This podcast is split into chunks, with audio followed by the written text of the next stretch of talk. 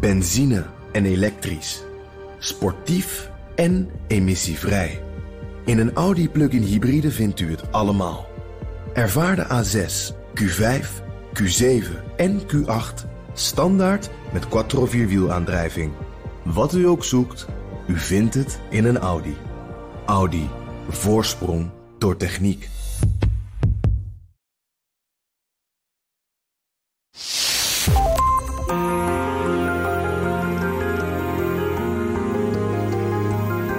Je luistert naar De Stratege, een podcast van BNR in samenwerking met het Den Haag Centrum voor Strategische Studies. Mijn naam is Paul van Liemt.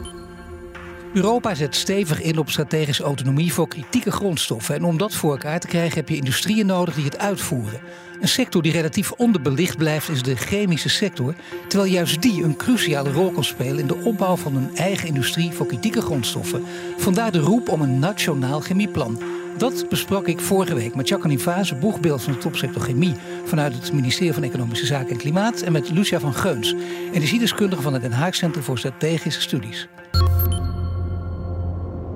Ambitie om 10% eigen uh, uh, uh, mijn materialen, zullen we het maar eventjes noemen, of ertsen en, en, en mineralen te gaan mijnen, is ongelooflijk ambitieus. Vooral omdat je weet dat een, een mijn open je niet zomaar. Dat kost zeker 10 tot 15 jaar. Daarbij met het hele vergunningsstelsel gaat dat heel langzaam. Heel erg afhankelijk van waar je bent in Europa, waar dat kan. want we weten allemaal dat we het allemaal niet in onze achtertuin willen hebben. Nee. Nou, voor Nederland is dit eigenlijk niet een optie, want de enige grootschalige mijnbouw die we deden was natuurlijk steenkool.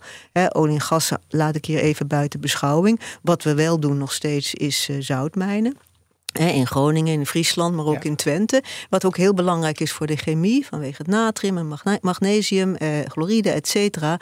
Dus al met al, dat is nog wel een aspect. Hè. Dat speelt dus wel voor Nederland. Maar al en al met al, die hele 10% is heel, belang, is, is heel ambitieus. Of dat wordt gehaald, daar stel ik echt mijn grote vraagtekens bij. Zeker, met name ook eh, de vergunningen. Goed dat je die even noemt, 10 tot 15 jaar. Dan denk je dat dat al lang in gang gezet moeten worden. Europa komt in actie, dat is het goede nieuws inderdaad. Vanwege twee zaken die nu door elkaar lopen, waar veel in staat. Maar ja, je moet toch even zeggen, je moet ook naar de geschiedenis kijken. Veel te laat of niet, Jacqueline Fase?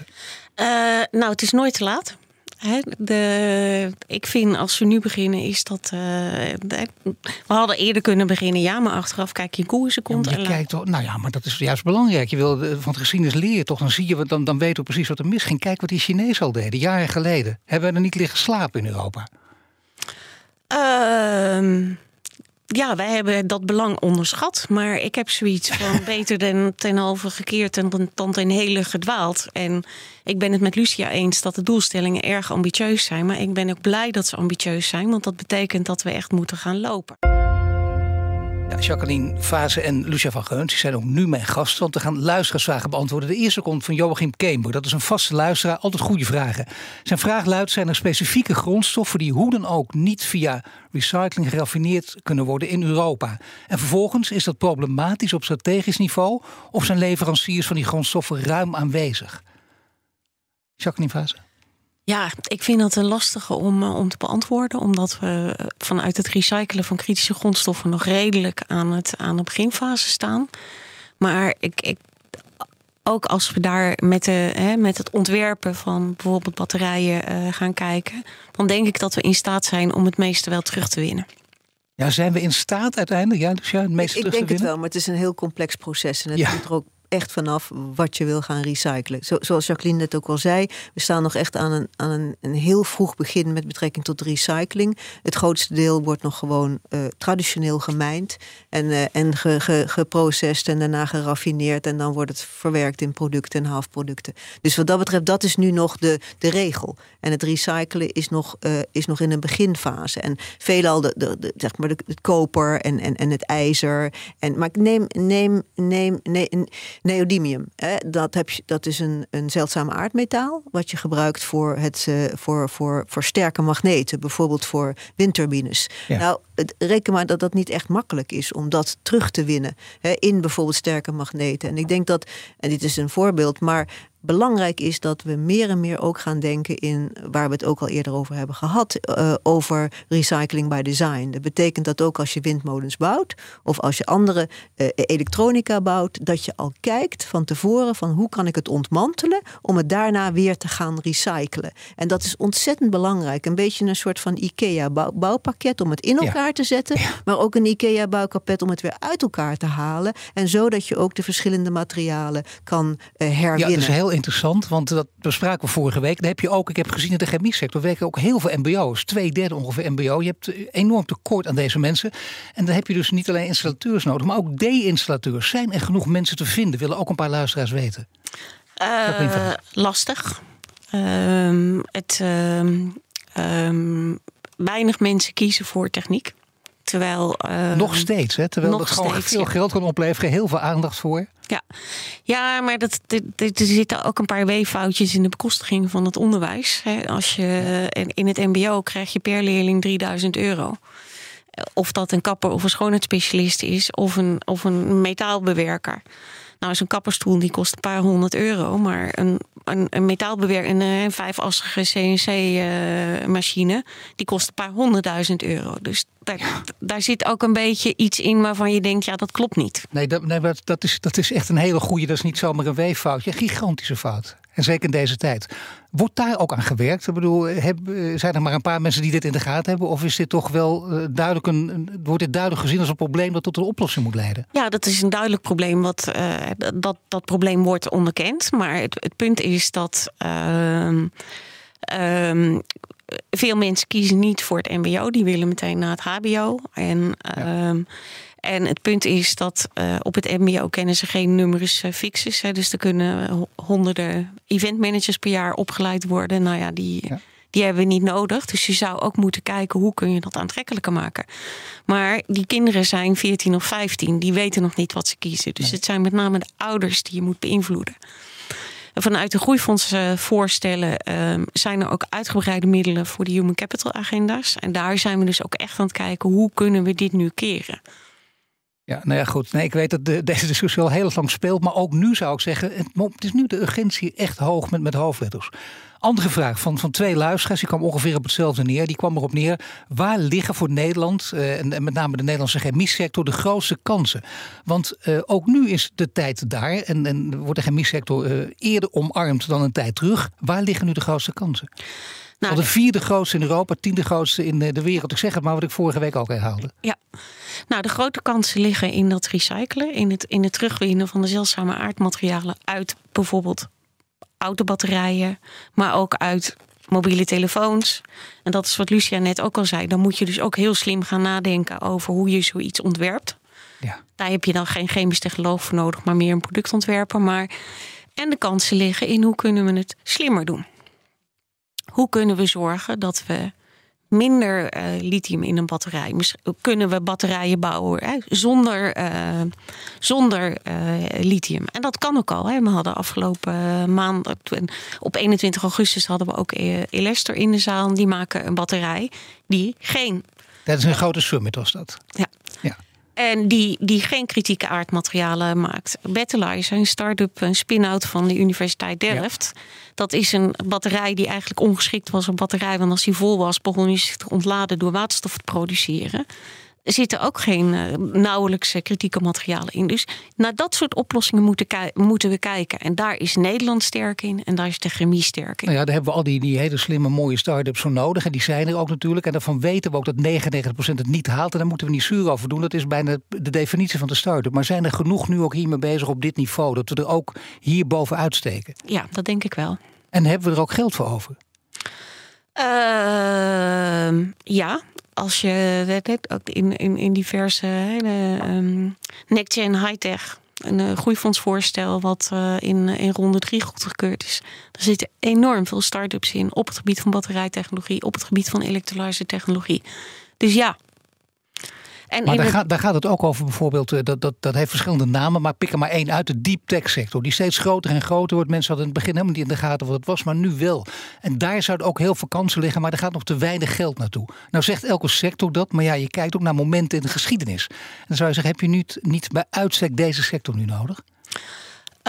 Um, niet alleen deze sector, ook, ook in, de, in, in, in, in de chemie zien we heel veel start-ups. En, uh, en wat, je, wat je ziet is uh, uh, dat we ook slimmer om moeten gaan met onze, onze start-ups. Hè. Wat, wat ik zag toen ik pas begon als boegbeeld, als ik met een start-up praatte, die vonden zichzelf pas een scale-up als ze een eigen productiefaciliteit hadden. Nou, je zei het al. Ja 1 eh, op de 10, 1 op de 100, je haalt het niet. Dus ik zag al zo'n kerkhof van al die pilotplanes die uh, nergens. Dus hè, daar zitten we nu ook mee te kijken. Wat kun je daarvoor doen? En met hè, dat je uh, faciliteiten gaat delen, dat je ehm, dat mogelijk maakt. Dat is ook veel minder kapitaalintensief. Dan hebben ze ook veel minder. Ja seed capital nodig. En dat zijn, hè, we hebben uh, onder leiding van Tom van Aken, die, die zit ook in het uh, topteam van uh, Topsector. Van Avantium. Van Avantium. Mm -hmm. En uh, CEO, ja. En die, is, uh, die leidt een, uh, een ronde tafel voor start-ups in de chemie. En dat gaat over dit soort dingen. Dat gaat over financiering. En dat gaat over hoe vind je personeel. Hoe geef je leiding. Echt hele simpele dat dingen. Dat doet hij al twintig jaar. Dus ook bij hetzelfde bedrijf. Als iemand die, die heel jong begonnen is. Nou, allerlei verschillende dingen. Dus het geeft aan ja, dat hij weet het, hoe het moet. Ja, nou. En hij is iemand die door de Valley of 30 gegaan is. En is daardoor Precies. ook een beetje een lichtend voorbeeld voor veel van die start-ups. En dat zijn dingen. Dat zijn hele simpele dingen waarmee je heel veel kan bereiken. En dat proberen wij ook te faciliteren. Ja, maar daar is de hoop op gebaseerd, Lucia, natuurlijk. Op die innovatie voortdurend ja. hebben we het over. Die is er ook al degelijk. Dat is niet zomaar een verhaal voor de vaak. Nee, en dat is een hele goede zaak. Maar we denken dat we vooral ook niet moeten vergeten van de industrie die er al is.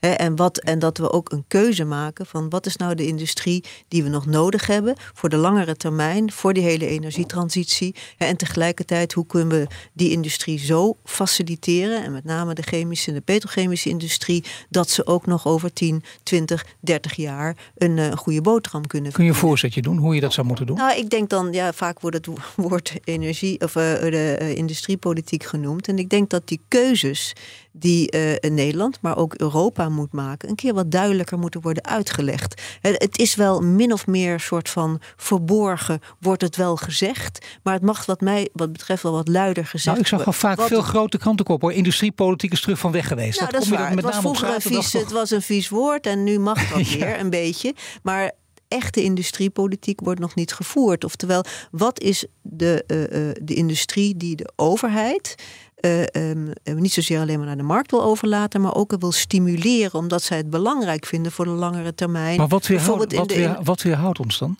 Nou, die met, name, met name die overheidsinterventie is natuurlijk iets waar Nederland en ook Europa nog heel, heel erg ja, terughoudend in is te, te terughoudend misschien. Alhoewel, Jacqueline zei dat in de vorige week al. Dat kijk, we waren niet terughoudend uh, vorig jaar tijdens de energiecrisis met, nee. uh, met het nemen van maatregelen, maar tegelijkertijd ook met het uh, direct faciliteren van LNG, floating LNG in de Eemshaven. En ook niet tijdens COVID. Dus het kan wel, maar dan moet wel een sense of urgency in zitten. Maar ik zou het liefst gewoon meer in langere beleidslijnen zien.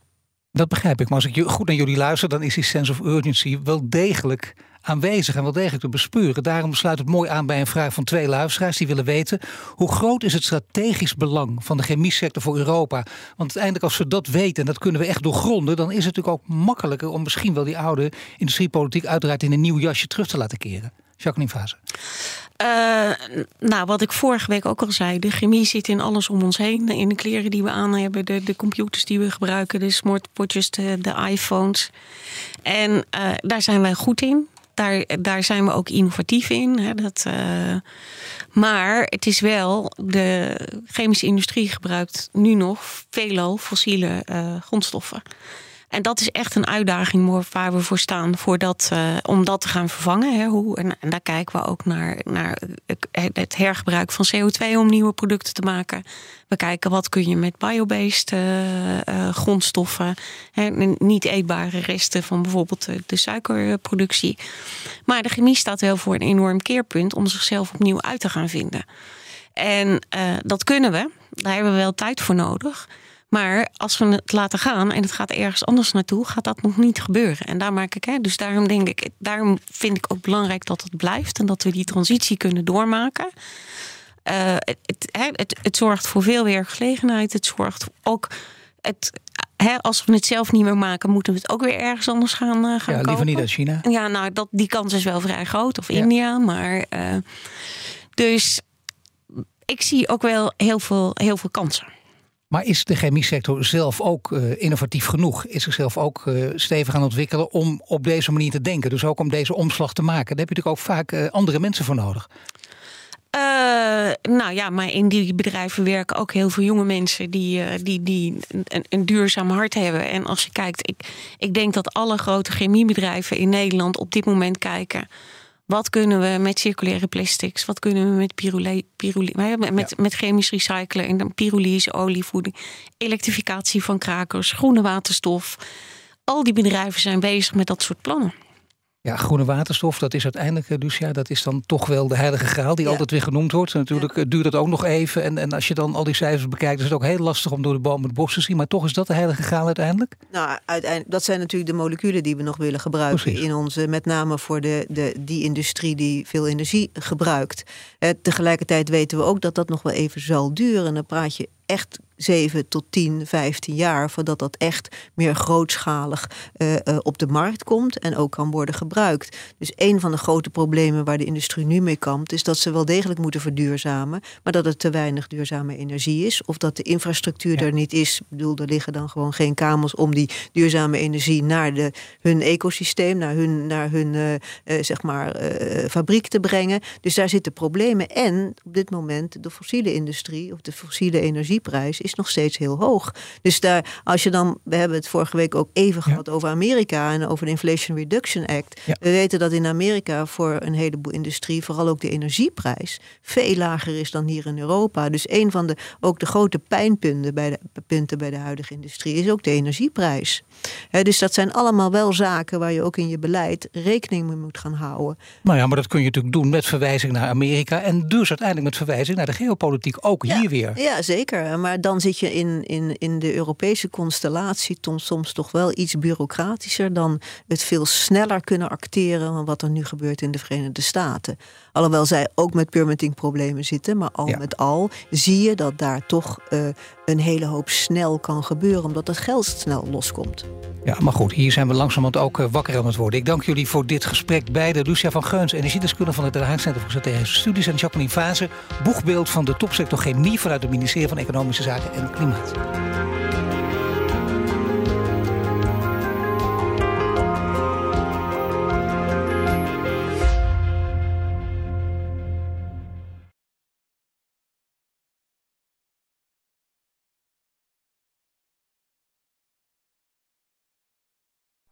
Benzine en elektrisch. Sportief en emissievrij. In een Audi plug-in hybride vindt u het allemaal. Ervaar de A6, Q5, Q7 en Q8 standaard met quattro vierwielaandrijving. Wat u ook zoekt, u vindt het in een Audi. Audi. Voorsprong door techniek.